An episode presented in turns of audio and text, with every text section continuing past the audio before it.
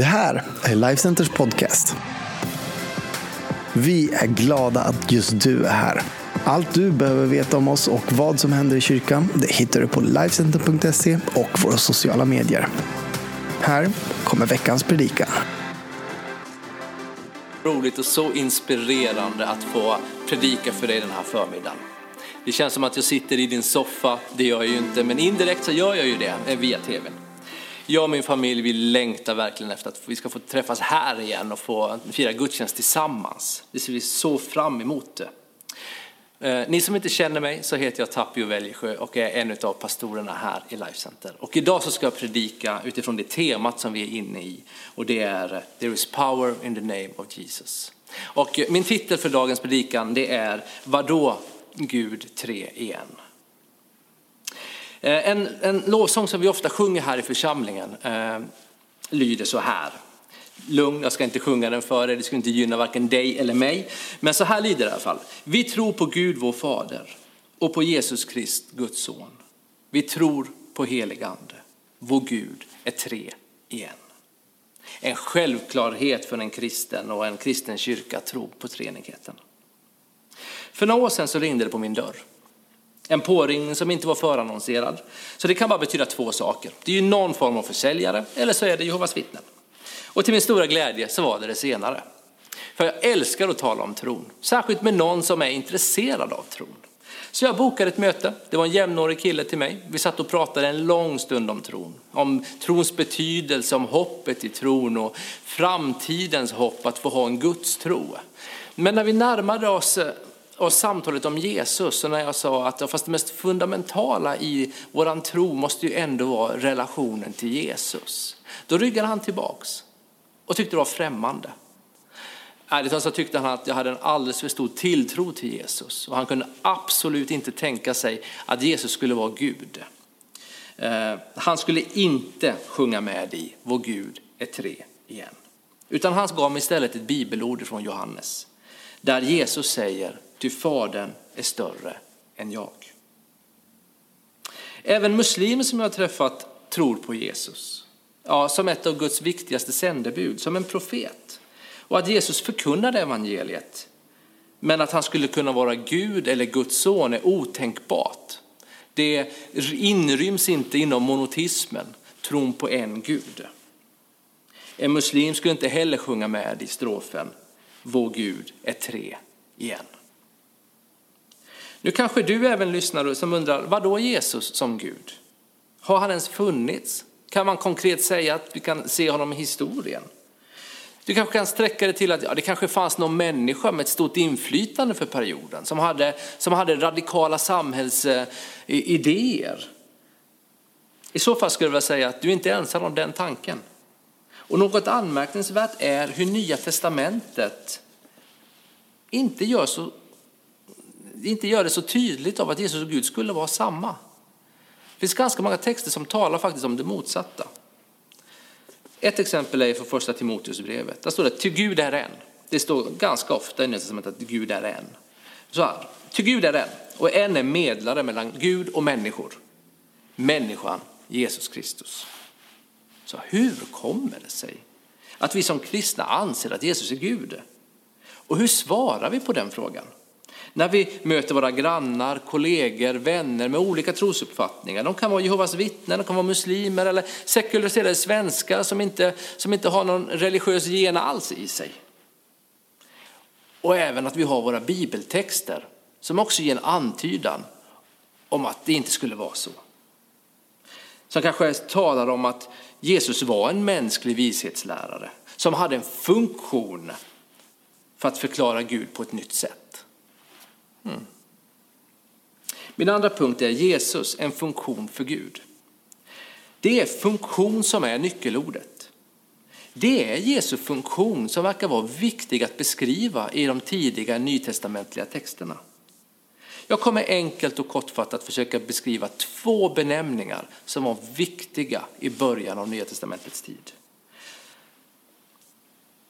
I synnerhet är det Paulus som använder dem, men de förekommer också i evangelierna. Paulus skriver till församlingarna om vad Gud gör och vad Jesus gör. Men jag skulle vilja säga att vad Jesus gör eller Jesu funktion kan inte beskriva helheten av Jesus och Gud. När jag var nyinflyttad i Västerås så fick jag några deltidsjobb. Eh, och samtidigt så lärde jag känna en massa nya människor. Det faller sig ganska naturligt när man är ny i en stad. Och en av de frågorna som jag oftast fick, det var vad jobbar du med och vad gör du? Eh, jag jobbade ju helg i butik, jag stod i vardagskvällarna i butik och demade produkter och sen så ibland så sov jag eh, jour också på ett härberge. Inget av jobben var ju egentligen den jag var, men det var ju det jag gjorde. Och efter ett tag så blev jag ganska trött på att bli kategoriserad efter att vara de här jobben.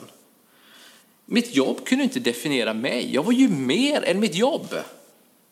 En arbetslös vill ju inte heller definieras som någon som inte gör något. Det stämmer ju inte. Ens tillvaro, ens varande är viktigare än ens funktion. Likaså är det med Jesus.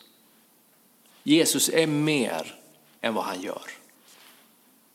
Min tredje punkt är en av de första, den första benämningen jag vill gå in på. Det är Messias. Så Jesus, Messias.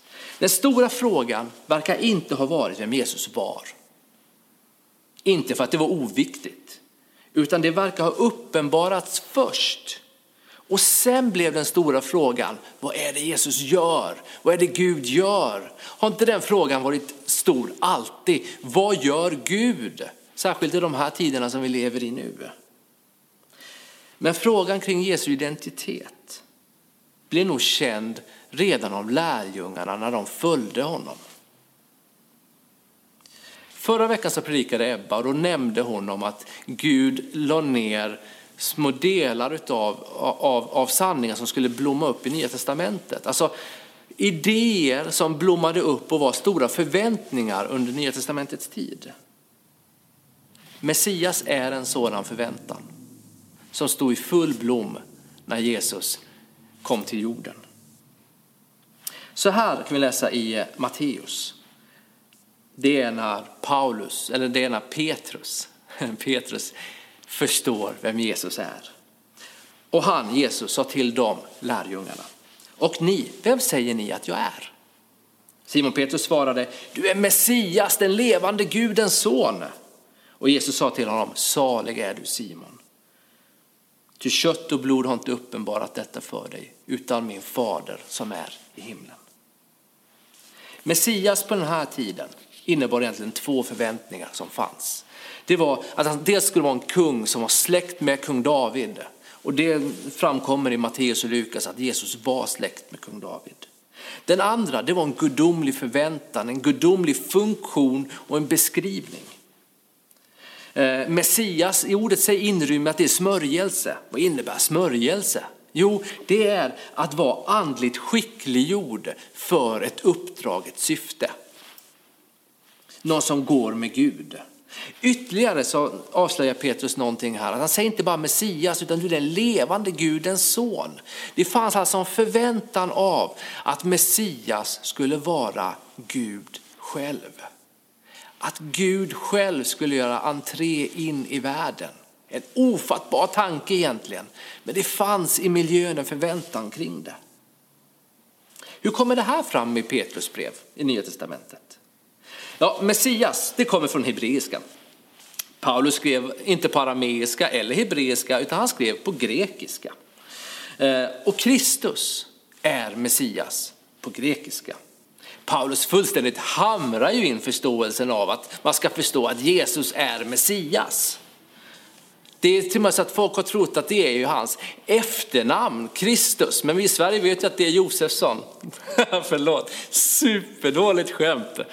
Men, ja, nu skäms min familj där hemma med kuddarna uppe, skämskuddarna uppe. Sänk dem, vi går tillbaka. Hade ni varit här hade vi skrattat lite grann. Eh, Nåväl, Kristus var inte efternamnet, Kristus var att han var Messias. Om det judiska folket förväntade sig en gudomlig Messias vore det ju dumt om inte Paulus betonade det noga. Paulus arbetade med konceptet juden först, sen greken. Alltså först till judarna, sen till resten. Alltså när han kom till en stad så gick han ju först till synagogan, sen började han predika för resten av folket. Det fanns alltid en judisk grupp som mottagare i hans undervisning. Om Messias var en tydlig förklaring på Jesu gudomlighet så fanns det ytterligare en benämning som kanske var ännu tydligare och det var benämningen Herren, vilket är min fjärde punkt. Herren Jesus Messias. Herren är det vanligaste sättet Gamla testamentet benämner Gud. Och Paulus använder Herren för att sammanföra Gud med Jesus. Paulus verkar inte vara intresserad av att Jesus ska ta över hela gudsbegreppet. Så han skriver i sina brev både Gud och Jesus väldigt ofta. Han vill inte sammanföra, han vill att det ska vara skillnad, men ibland vill han visa på att det är samma. Jag ska visa några exempel för er. I första Tess 1 och 1, inledningsordet, så här skriver han nästan till, till varje församling. Till församlingen Thessalonika som lever i Gud Står inte punkt där, det är ett kommatecken. Fadern och Herren Jesus Kristus. Jag ska ge ett exempel till som är ännu tydligare. Första Korinthierbrevet 8 och 6. Så har vi bara en Gud. Ja, det har vi ju läst om tidigare, att det finns bara en Gud. Från, eh, vi har vi bara en Gud, Fadern, från vilket allting är och vi själva är. Och en Herre, Jesus Kristus, genom vilket allting är och vilket vi själva är. Lite knepigt, många ord, men det, det man kan, vi kan se ifrån det är att det finns bara en Gud och det är Fadern och det är Herren Jesus Kristus. Det som jag tror hjälpte Paulus med den här förståelsen, den här insikten, det var den uppenbarelsen han fick göra när han mötte Jesus Kristus på Damaskusvägen. När han får möta den uppståndne Jesus. När han får se Jesus som förkroppsligade och gestaltade Israels Gud. Den erfarenheten tror jag han bar med sig i alla sina brev. I Filipperbrevet kapitel 2, 67 så står det, fastän han, vem? Jo, Jesus. Fastän han var till i Guds gestalt räknade han inte tillvaron som Gud som ett segerbyte utan utgav sig själv genom att anta en tjänares gestalt då han blev människa. Paulus kunde se Israels Gud i Jesus. Men inte bara det, i Paulus texter så verkar han kunna urskilja treenigheten. Han vill inte betona bara Gud, utan han betonar gärna både Fadern, Sonen och Anden i sina texter. Jag hinner inte gå in på Anden idag eftersom att tiden är så kort med online-sändningarna.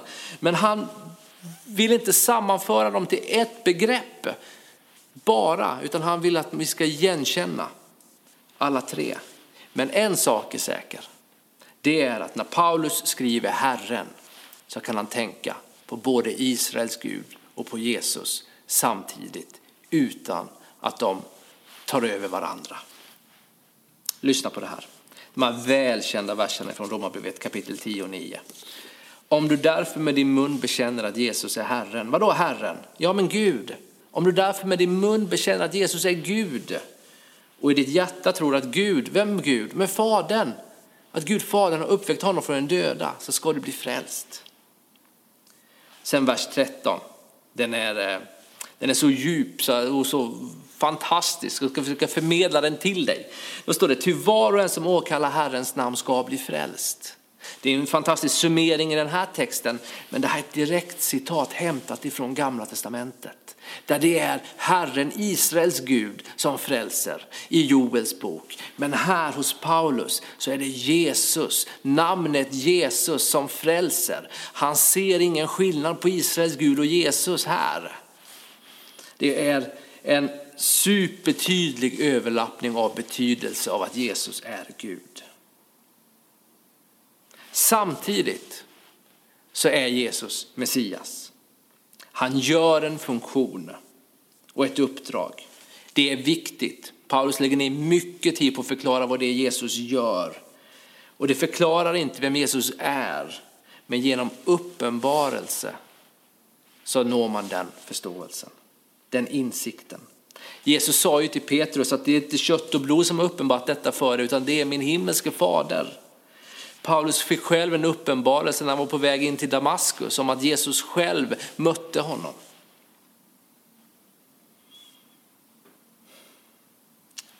Därmed är inte Paulus syfte att skriva krångligt, utan han skyddar uppfattningen av att vår Gud är tre i en.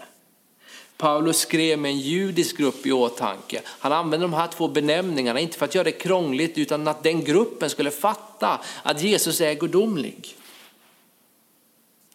När kyrkan växer och fler etniciteter kommer in eh, så kan vi se Johannes texter som anses vara några årtionden senare än Paulus. Där kan vi se att när Johannes redogör för hur Thomas kommer till tro direkt efter Jesu uppståndelse så behövs inte de här benämningarna ha en sån framträdande roll utan då räcker det med att Thomas bekänner Jesus i form av min Herre och min Gud.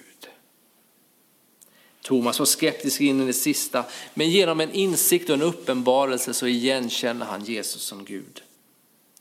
Även om jag tror på stora uppenbarelser så verkar insikter ibland bara funkar lika bra. Har samma kraft bakom sig.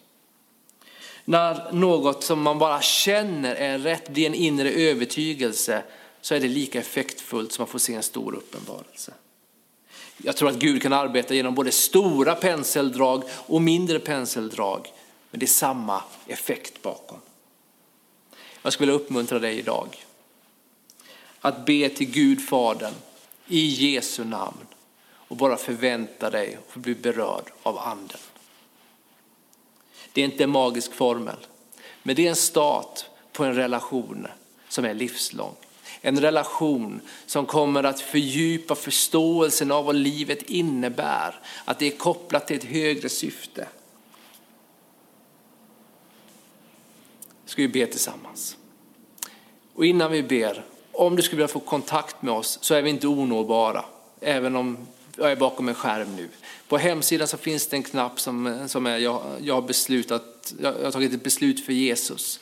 Eh, klicka i den, fyll den kontaktuppgifter så hör vi gärna av oss och ger dig nästa steg i tron eller om du vill ha en bibel eller om du vill bara få kontakt så finns vi här för dig. Nu ber vi. Tack Jesus för att du är Gud. Tack Jesus för att du kom till den här världen. Att du presenterade vem den verkliga sanne ende guden är. Tack för att vi får tillhöra dig. Tack för att när vi bekänner oss till dig Jesus så bekänner vi Gud och vi får tillhörighet till dig. Tack Herre för alla de som har lyssnat på den här sändningen. Tack Jesus för det du kan göra för dem i deras liv. Att du kan vara deras, deras vän, du kan vara deras vägledare. Tack Herre för att du kan komma med kraft och du kan komma med tröst och uppmuntran. Tack också för att du är med i de mest glädjefulla ställen, eh, fyllda ställena och tiderna och situationerna Herre. Jag tackar dig i Jesu namn. Amen.